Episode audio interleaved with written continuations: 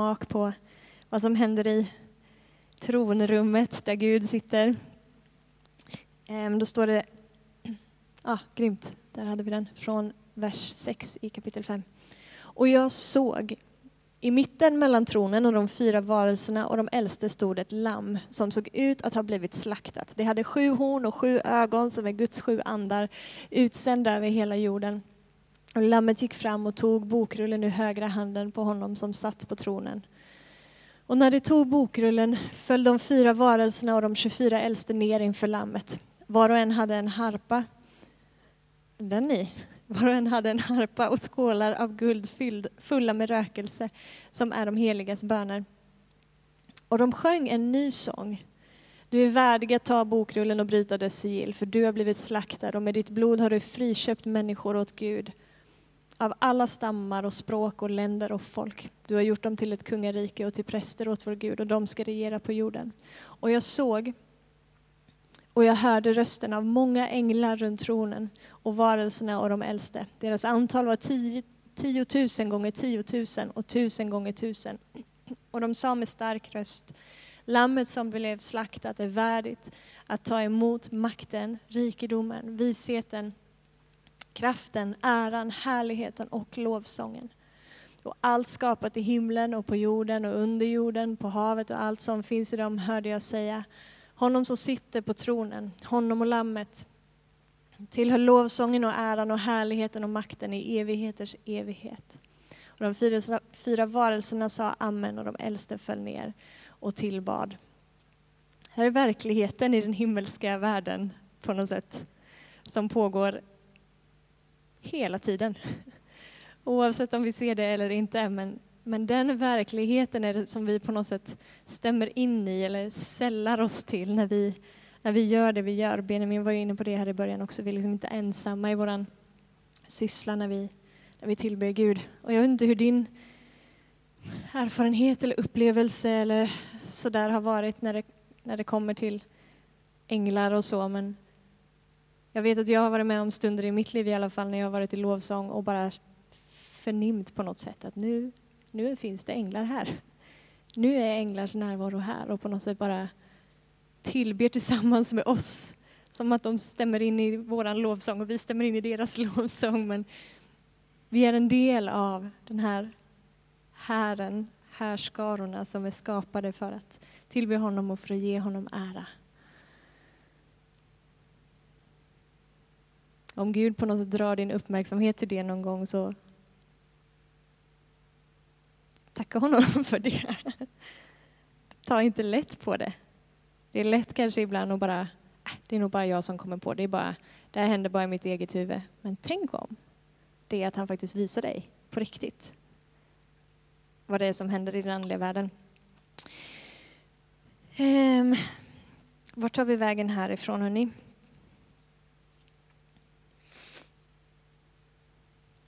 Vi, jag predikade ju i söndags och eh, jag touchade lite kring det här med änglar då också, så ni, ni, kan ju gå in i efterhand och lyssna på den predikan om ni skulle vilja höra mer. Men vi pratade i alla fall om att Guds rike är ett andligt rike. Eh, Gud är ande och de som tillber honom måste tillbe ande och sanning. Hans rike är ett andligt rike som inte går att, att ta på. Jesus säger att Guds rike är mitt ibland det, men man ska inte kunna säga här är det eller där är det. Du kan inte se det med dina ögon, men det är mitt ibland er och det är ett andligt rike. Eh, mitt rike är inte av den här världen, säger han också. Så vad är Guds rike? Ja, men Guds rike är sfären där Guds vilja sker. Sfären där, där Jesus är Herre, där hans ordning råder. Det är Guds rike.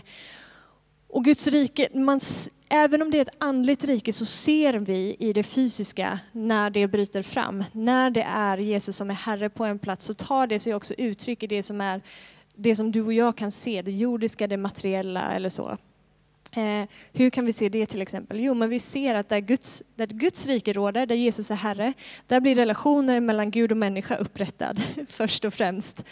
Relationer mellan människa och människa blir upprättad. Det finns försoning, liksom, både eh, lodrätt och horisontellt. Eh, där Guds rike råder så blir människor satta fria. Det står det, där Herrens ande är, där är frihet. Och Guds rike kommer ju i den helige ande. Liksom. Där Herrens ande är, där är frihet, så människor blir satta fria. Människor som har varit bundna, plågade på olika sätt blir befriade. Sjukdomar får försvinna, så helande råder där, där Guds rike råder.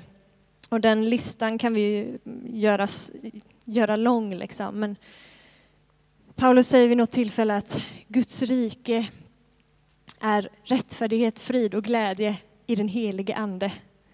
Så där Guds rike är, det är rättfärdighet, frid och glädje i den helige ande. Några av tecknen på där han, där han på något sätt har eh, brutit fram. Ehm, och eh, jag sa det i söndags också, att för Gud så är det, vi, vi pratar ju liksom om den andliga världen och vi pratar om att den är på ett sätt syn, är osynlig men också tar sig uttryck synligt. Men för Gud är ju den andliga världen lika synlig som den fysiska världen är för oss. Han gör liksom ingen, för I hans vokabulär så finns inte naturligt och övernaturligt. Det är vår, vårt sätt att försöka make sense av saker och ting. Liksom. Det här är naturligt och det här är övernaturligt. Men för, för Gud är ju det som vi kallar för övernaturligt är ju lika naturligt för honom. Liksom. Eh, så de här två världarna i, hans värld är ju helt och hållet integrerade. Så har han då gett sin församling i uppdrag nu att utbreda detta andliga rike, detta Guds rike. Han har gett oss den heliga ande som hjälpare för att på något sätt han säger när han lär sina lärjungar att be så säger han så här ska ni be. Låt ditt rike komma. Låt din vilja ske. Och så ger han oss allt vad vi behöver för att kunna vara med och utbreda det här. För att kunna vara med och föra människor in i relation med, med honom själv. Det är ju uppenbarligen bara Jesus som frälser, men vi kan liksom leda dem till Jesus. Eh, han har gett oss allt vad vi behöver för att kunna bota de sjuka eller för att befria dem som har eh, varit bundna. Eh, och i det här andliga riket då, så verkar det som att Gud också använder sig av änglar för att på olika sätt hjälpa sin församling att utföra sitt uppdrag. Änglar är ju också skapade, skapade varelser som Gud har skapat, så de är underställda Gud. Eh, de, de får, det verkar som att en del av dem då får uppdrag helt enkelt att betjäna de heliga på olika sätt eh, och komma med kraft, komma med tröst, komma med uppmuntran, komma med inriktning, vägledning, komma med gåvor, styrka på olika sätt, komma och ge liksom insikt i Guds hemligheter eller så. Och vi ser hur Gud använder sig av de här änglarna genom hela Bibeln. Jag nämnde det någon gång när jag predikade om änglar förut, att alla böcker utom fyra i Bibeln nämner faktiskt änglar, så det är liksom ingen så här, bara liten, liten passus någonstans, liksom, utan överallt så finns det ändå, ändå omnämnt. Vi ser det genom hela Gamla Testamentet, vi ser det i Jesu liv och hur Gud på olika sätt använder sig av änglar när det är avgörande tillfällen liksom i, i frälsningshistorien, vid vissa avgörande ögonblick. Varför han gör det, jag vet inte, men han gör det. Han väljer vilka sätt han vill. Liksom. Eh, till exempel så ser vi eh, kan någon av er förresten, jag har ju det uppskrivet så jag frågar inte för att jag inte kommer ihåg, eller för att jag inte vet. Men när är första tillfället som man ser en ängel dyka in i, i Nya Testamentet när det handlar om Jesu liv? Är det någon som vet det? Ja. Innan Jesus är född. Maria, han kommer till Maria. Eh, talar om för henne att hon ska bli havande och föda Guds son. Eh, ängeln Gabriel är det som Gud på något sätt, denna, denna skapade andliga varelse, liksom låter Gud stiga in i, i det som är tid och rum och prata med Maria för att ge henne ett budskap om någonting viktigt. Liksom. Nu är det någonting viktigt som jag kommer göra här och du kommer få vara med om detta. Sen ser vi hur en ängel uppenbarar sig i sömnen eller i en dröm för Josef. För Josef får reda på att Maria är havande och bara oh, oh det här var inte bra, vi är inte gifta ännu, jag måste nog lämna henne nu för att liksom inte dra skam över henne. Eh, och det tänker han i sitt förnuft. Liksom. Men så vet Gud hur han ska komma åt Josefs hjärta. För han vet ju att nej, men Josef ska inte vara rädd för att ta Maria till sig. Liksom. De behöver hänga ihop i det här. Och Gud vet på vilket sätt han ska komma åt Josefs hjärta. Så han låter en ängel uppenbara sig i en dröm för Josef och säger, var inte rädd för att ta till dig eh, Maria, utan stanna kvar med henne. Sen ser vi när Jesus föds, så visar sig en ängel ute eh, för herdarna som befinner sig ute på fältet och talar om att idag har en frälsare fötts hos er i Davids stad och helt plötsligt så står det att det hela, en hel himmelsk här, en hel himmelsk härskara stod där tillsammans med de där herdarna och de prisade och, och lovade Gud tillsammans. Ehm. Sen när Jesus väl är född, ni, ni får massa olika till, tillfällen här nu bara i Jesu liv. När Jesus är född så blir ju kung Herodes inte så glad för han får reda på det här och bara oh, oh min makt är hotad, jag behöver döda alla småbarn som är under två år. Och då uppenbarar sig en ängel igen i en dröm för Josef och säger att ni måste fly till Egypten för att rädda denna pojke. Så någonting här i frälsningshistorien är liksom, det vore ju inte bra om Jesus dog i förtid. Liksom. Men, men Gud styr om det här och bara, Fly dit. Där behöver ni vara. Sen talar de om för dem när det är dags att komma tillbaka igen. Eh, när Herodes har dött. Sen läser vi Matteus kapitel 4. När Jesus har döpts så står det att så fort han hade döpts så leddes han av anden ut i öknen för att frestas av djävulen i 40 dagar. Eh, och han prövas på alla sätt och vis och han står emot djävulen genom att använda sig av Guds ord. Eh, och Sen står det att när han hade på alla vis frestats och prövats, då lämnade djävulen honom för en tid och änglar kom fram och betjänade honom. Där i den stunden. Förmodligen inte en superkaxig Jesus rent kroppsligt efter att ha fastat i, 40 dagar, men stark i anden. Men änglar kommer fram och betjänar honom. Varför behövde Jesus det? I don't know, men han behövde det i den stunden. Eh, när Jesus sen befinner sig i Getsemane och han står inför sitt, liksom, den största prövningen som han möter i sitt liv. Och han, han har sån ångest och han svettas blod. I den stunden så sänder Gud en ängel för att styrka honom, för att ge honom kraft där och då. Så mitt i hans tid av prövning så ger Gud honom hjälp ifrån himmelen. Det är vackert, tycker jag. När Jesus är där och bara känner sig grymt ensam. Besviken på sina lärjungar. Liksom. Varför, varför kan ni inte bara be med mig? Varför vakar ni inte med mig? Han bär hela världens synd på sina axlar. Och Gud är där för att trösta genom en ängel denna gången. Vid hans uppståndelse så eh, står det att på morgonen där så är det en ängel som stiger ner. Det blir jordbävning när ängeln stiger ner, rullar bort stenen ifrån graven och ängeln möter Maria när hon kommer dit och pratar med henne och säger varför graven är tom, varför söker du, varför söker du honom och han är inte här. Vid himmelsfärden så är det också änglar som är närvarande. Och det står att när Jesus kommer tillbaka så ska han komma tillsammans med änglar. Så vid massa olika tillfällen i Jesu liv så finns det änglar som är närvarande på olika sätt. Om vi ska dyka in i några exempel från Gamla Testamentet. Så, alltså det här är alltså bara för att ge oss några exempel för att Poängen jag ska göra här sen, jag kan ju säga den i förtid, poängen jag ska göra är att änglarna finns närvarande för oss här och nu också. Gud använder sig av dem i våra liv. Om man gjorde det för dem så gör han det för oss. Om de behövde det så behöver vi det.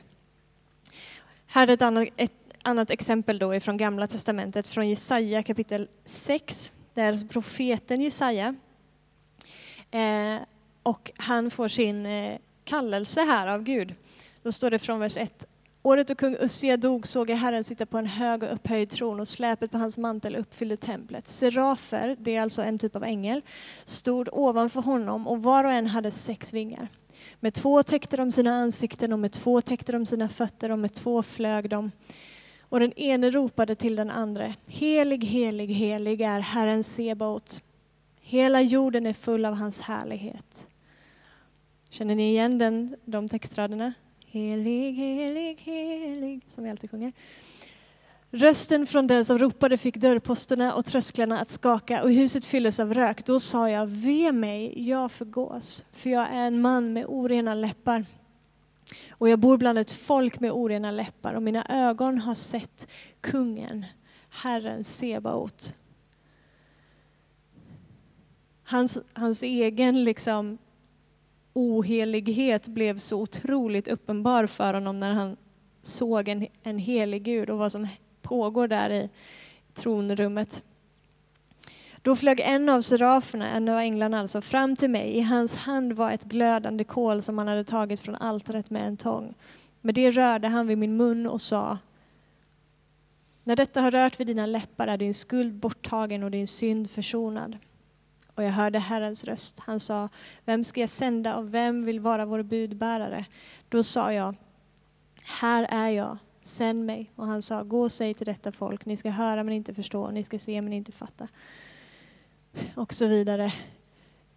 Jesaja ser ju det här i en syn på något sätt och Gud använder sig i den här synen av änglar igen när det kommer till eh, Jesajas kallelse. Ängeln är på något sätt delaktig i liksom att utrusta honom för det han ska göra, renar hans läppar och så säger nu kan du gå och tala. Nu kan du göra det här. Ehm, nästa exempel från första Kungaboken kapitel 19. Vi läser några verser här. Det här handlar alltså om profeten Elia. Och eh, han har, när vi hoppar in här i historien så har han precis varit uppe på är berget. Eh, Karmel heter berget kanske, som han var uppe på. Eh, och han har stridit mot Balsprofeterna. De hade, Balsprofeterna hade byggt upp ett altare, Elia hade byggt upp ett altare och de hade ett offer på sina, sina altaren. Eh, och så var dealen så att Elia sa att ni får be till eran Gud och om han svarar med eld och förtär ert offer, då är det han som är Gud. Jag ber till min Gud och om han svarar med eld och förtär mitt offer, då är det han som är Gud. Balsprofeterna de ropar och ropar och ropar och ropar och de till slut blir så desperata, de ristar sig och liksom ingenting funkar och Elia hånar dem lite grann och bara, ah, han kanske sover, han är bortrest. I alla fall, när Elia ropar så svarar Gud med eld och förtär offret som ligger på hans altare och alla på något sätt fattar att det är Herren som är Gud. Det är Elias Gud som är Gud. Så han har liksom precis haft världens upplevelse här där Gud bara har manifesterat sin makt. Liksom. Men sen så efter detta då så händer det här. Ahab berättade för Isabel, Isabel var ingen trevlig tjej, eh, allt som Elia hade gjort och att han hade dödat alla profeterna med svärd. Då sände Isabel bud till Elia och lät säga Må gudarna straffa mig både nu och i framtiden om jag inte imorgon vid denna tid låter det gå med dig som det gick med profeterna. Så hon hotar honom alltså till livet här. När han fick höra det bröt han upp och flydde för sitt liv. Han som nyss hade varit så kaxig och stått mot alla dessa Balsprofeter liksom och bara Helt plötsligt så är han helt livrädd och han flyr. Han kommer till Beersheba i Juda och lämnade där sin tjänare. Själv gick han en dagsresa ut i öknen. Där satte han sig under en gnistbuske och önskade sig döden och sa, nu är det nog Herre, det svänger snabbt här. Ta mitt liv, för jag är inte bättre än mina fäder. Elia la sig ner under gnistbusken och somnade. Men en ängel rörde vid honom och sa till honom, stig upp och ät. När han, precis, så att vägen inte blir så lång för dig, för lång för dig. Det citerar vi också i nattvarden ofta. När han såg upp fanns där vid huvudänden ett bröd bakat på glödande stenar och en kruka med vatten. Han åt och drack och la sig ner igen. Men Herrens ängel rörde vid honom igen för andra gången och sa, stig upp och ät, för annars blir vägen för lång för dig.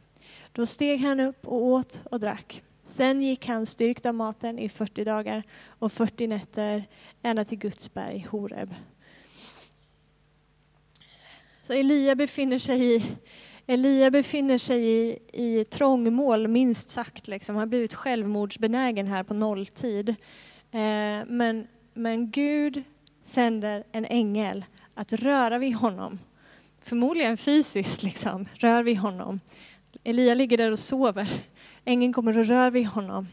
Ta här och ät och så helt plötsligt finns det, finns det mat där. Snacka om att Gud har omsorg liksom, och förser med det som är behovet i den stunden. Så Gud använder en ängel i det här läget för att utrusta Elia med kraft och ja, liksom fysisk kraft också då, för att kunna slutföra det uppdrag som han faktiskt skulle göra.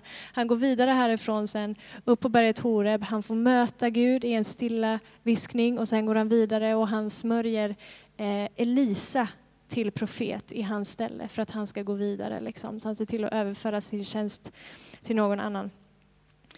Men han var på väg att ge upp. Men Gud bryter in och bara, nej, nej, nej, det är inte slut här ännu. Don't you give up. Och han skickar det som behövs i den stunden. Hur många gånger har han gjort det för dig och mig utan att vi kanske har fattat det ens en gång? Hur många gånger har han sänt änglar för att styrka oss? Du och jag har inte sett dem, men de är där. De är där för att vederkvicka oss med vad det än är som vi behöver. Ibland är vi eh, lyckligt ovetandes eller olyckligt ovetandes, jag vet inte vilket. Men, men Gud verkar genom sina änglar i människors liv. Orkar ni ett par exempel till eller? Snart går vi i land. Eh, Daniel kapitel 8. Eh, Daniel, han, eh, har ni läst Daniels bok så han får ju en hel massa olika syner som är askonstiga. Jag läser och fattar inte ett jota. Det är liksom bockar och getter och det är liksom horn åt öster och väster och sen kommer det ett horn från det här hornet som växer åt söder och man bara... Eh, och lite så kände nog Daniel också för det, det här är vad som hände när han hade fått den här synen i alla fall. När jag, Daniel, hade sett denna syn och försökte förstå den fick jag se en gestalt som såg ut som en man stå framför mig. Alltså en ängel som på något sätt har tagit mänsklig, mänsklig gestalt. Och mitt över Ulai hörde jag rösten av en människa som ropade Gabriel, tyd synen för honom. Så denna man som såg ut som en mänsklig gestalt som står framför honom är ängeln Gabriel. Och han har fått i uppdrag att tyda den här synen som Daniel inte fattar ett smack av. Men Gabriel kommer dit då för att tala om för honom hur det ligger till. Eh, fortsätter vi sen till Daniel kapitel 9 från vers 20. Jag fortsatte tala och be och bekänna min synd och mitt folk Israels synd och kom inför Herren min Gud med min förbön för, för min Guds heliga berg. Medan jag ännu talade i min bön kom Gabriel till mig flygande i hast. Jag undrar hur det såg ut. Den man som jag hade sett förut i min syn. Jaha, här kommer han flygandes minsann.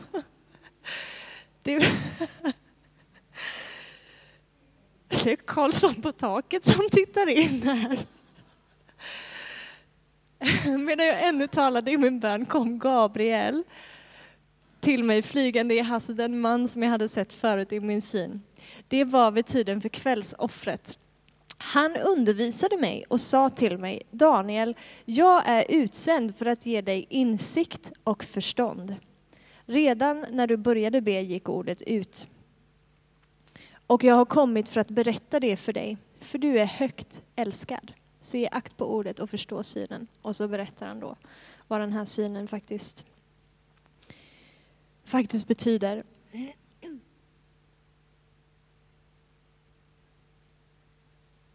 Om Jesus behövde, nu kommer poängen igen här, om Jesus behövde änglarna i sitt liv om Elia behövde änglarna i sitt liv, om Daniel behövde änglarna i sitt liv, så behöver vi änglarna i vårt liv.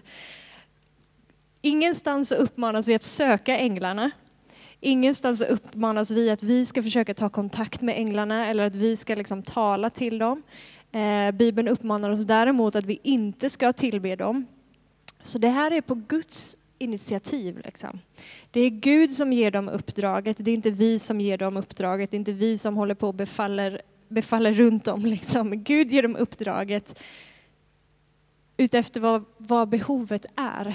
Vår, vår uppgift är att söka Gud och ropa till Gud. Och sen verkar han hur han vill. Och det man kan se i flera bibelställen när det pratas om änglar är att det finns en ganska tydlig koppling till just bönen. Hur församlingen ber och, och, Gud sätter någonting i rörelse. Gud sänder sina änglar, eller no, Daniel i det här fallet, han har bett. Och Gud sänder änglar. Så vi ropar till honom.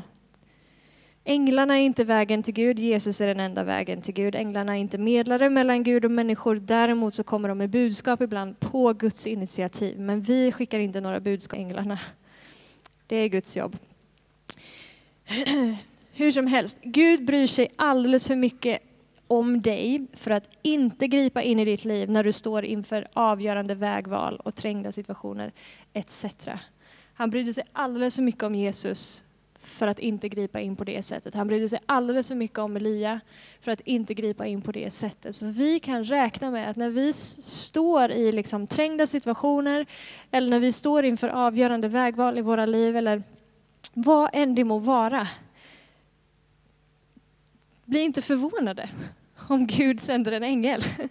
Bli inte förvånade om Gud visar dig en syn med änglar i. Det är liksom naturligt liv för ett Guds barn att sådana saker och ting händer. Det är inte bara, det, det är inte bara jättekonstigt, det är naturligt.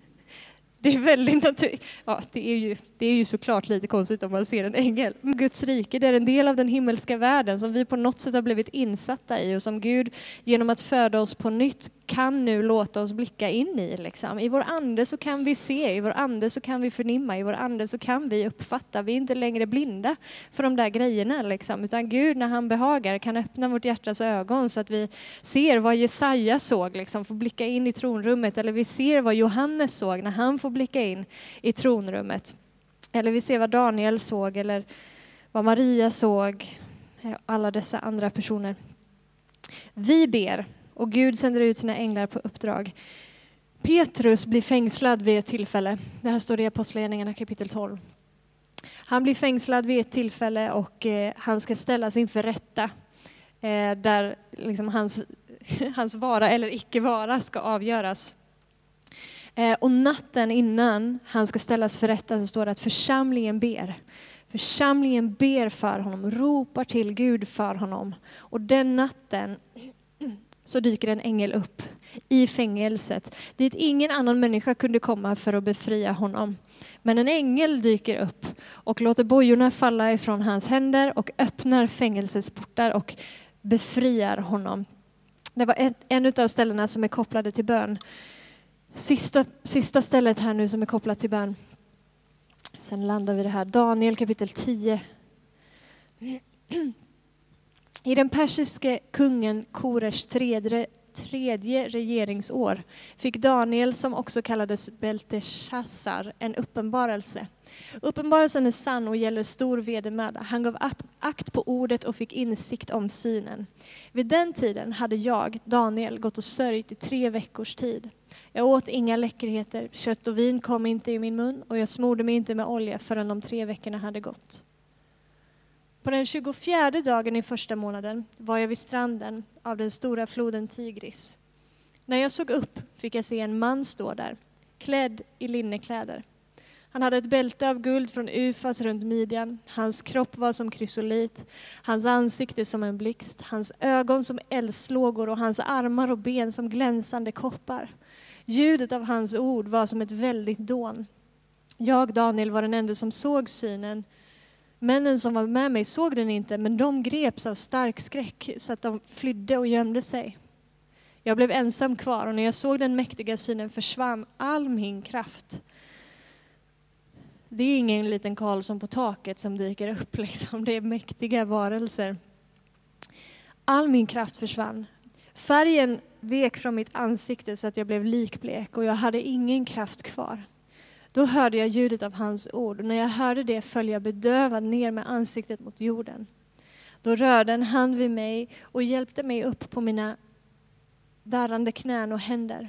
Sen sa han till mig, Daniel, du högt älskade man.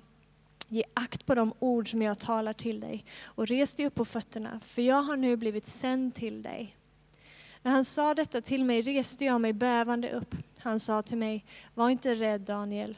Redan från första dagen när du vände ditt hjärta till att förstå och ödmjuka dig inför din Gud har dina ord varit hörda. Och jag har nu kommit på grund av dina ord. Jag har kommit på grund av dina ord. Daniel bad inte till ängeln, han bad till Gud. Och jag har kommit nu, säger den här ängeln, på grund av dina ord. Men försten över Persiens rike stod emot mig under 21 dagar. Alltså en, någon typ av strid här som pågår i andevärlden som Daniel förmodligen inte har haft någon aning om händer, liksom, utan han bara, han bara ber. Men det pågår någonting i den andliga världen. Och den här ängeln säger då att försten över Persiens rike stod, stod emot mig under 21 dagar. Då kom Mikael, som också är en ängel, en av de förnämsta furstarna till min hjälp och jag blev kvar där hos Persiens kungar. Men nu har jag kommit för att undervisa dig om vad som ska hända ditt folk i kommande dagar, för synen syftar på framtiden. Medan han talade så till mig böjde jag mitt ansikte mot jorden och var stum och se. Han som var lik en människoson rörde vid mina läppar. Då öppnade jag min mun och sa till honom som stod framför mig, min herre, på grund av synen har jag gripits av stark ångest och har ingen kraft kvar. Och hur skulle en sådan som jag, min herres tjänare, kunna tala med en sådan som min herre? Jag har ingen kraft kvar i mig och jag kan inte andas längre. Han som såg ut som en människa rörde då vid mig igen och styrkte mig. Och styrkte mig. Han sa, var inte rädd, du högt älskade man. Frid vara med dig. Var stark, jag var stark. När han talade med mig kände jag mig styrkt och sa, tala min Herre, för du har styrkt mig. Vi har redan läst här att den här, den här ängeln han har blivit sänd på grund av Daniels ord. Han har blivit sänd för att undervisa honom och han styrker honom. Då sa han, förstår du varför jag har kommit till dig? Men jag måste strax vända tillbaka för att kämpa mot försten över Persien. Och när jag drar bort från honom kommer försten över Grekland. Men jag vill berätta för dig vad som är skrivet i sanningens bok. Ingen enda hjälper mig mot dessa utom Mikael, er förste. När du och jag ber, när du och jag ödmjukar oss inför Gud, när vi vänder vårt hjärta till Gud, så som Daniel gjorde och ropar till honom, så sätter det någonting i rörelse i den andliga världen. Vi fattar inte alltid varför vi inte ser genombrott här och nu. Liksom. Vi vill gärna ha svaret pronto och så blir vi lite rastlösa ibland och tappar tålamodet och bara Gud, varför svarar du inte? Varför hör du mig inte? Har du glömt mig? La, la, la. Den här spännvidden mellan att man har först bett sin bön tills dess att man ser bön, bönesvaret är ju också det glappet där fienden är expert på att komma och mucka med våra sinnen liksom, och få oss att tvivla på Guds godhet, få oss att tvivla på om vi verkligen har hört rätt. Var det här verkligen Guds vilja? Har han verkligen sagt det här? Da, da, da, da. Men fördröjda bönesvar beror ju inte på att Gud inte är god eller på att Gud inte har hört. Men det pågår någonting ibland i den andliga världen som kan göra att bönesvaren sinkas. Men Gud strider för oss i den andliga världen. Vi ropar till honom, han strider det som är våran strid. Och i det här fallet så ser vi jättetydligt hur det är en strid i, i andevärlden. Liksom Gabriel har blivit utsänd från början, första dagen som Daniel ber. Första dagen som Daniel vänder sitt hjärta till Gud så har Gud hört det och skickat. Liksom. Men någonting där står honom emot. Och så får han hjälp av ängeln Mikael och sen bryter svaret igenom efter 21 dagar. Vi ber, Gud strider, det som är våran strid. Amen. Nu är klockan jättemycket. Nu får vi nu får vi säga amen. Men Gud, vi tackar dig för att eh, det här är en verklighet som vi får ta del av. Herre, vi tackar dig att änglar också finns, finns till hands för oss, liksom. inte för att vi ska ropa på dem, men vi ropar till dig och du sänder dem för att bekänna oss, för att vi är högt älskade. För att du bryr dig om oss, för att du har sån omsorg om oss. Du skulle aldrig lämna oss eh, ensamma eller överge oss på det sättet. Och du verkar på vilket sätt som du än vill, Herre. Och du verkar också för att dina syften ska gå i fullbordan, för ditt namns skull, för ditt rikes utbredande. Vi ber, Herre, att du skulle Öppna våra ögon så att vi ser mer av det som, som är fördolt för det mänskliga ögat men det som vi i vår ande kan förnimma och, och uppfatta. I Jesu namn. Amen.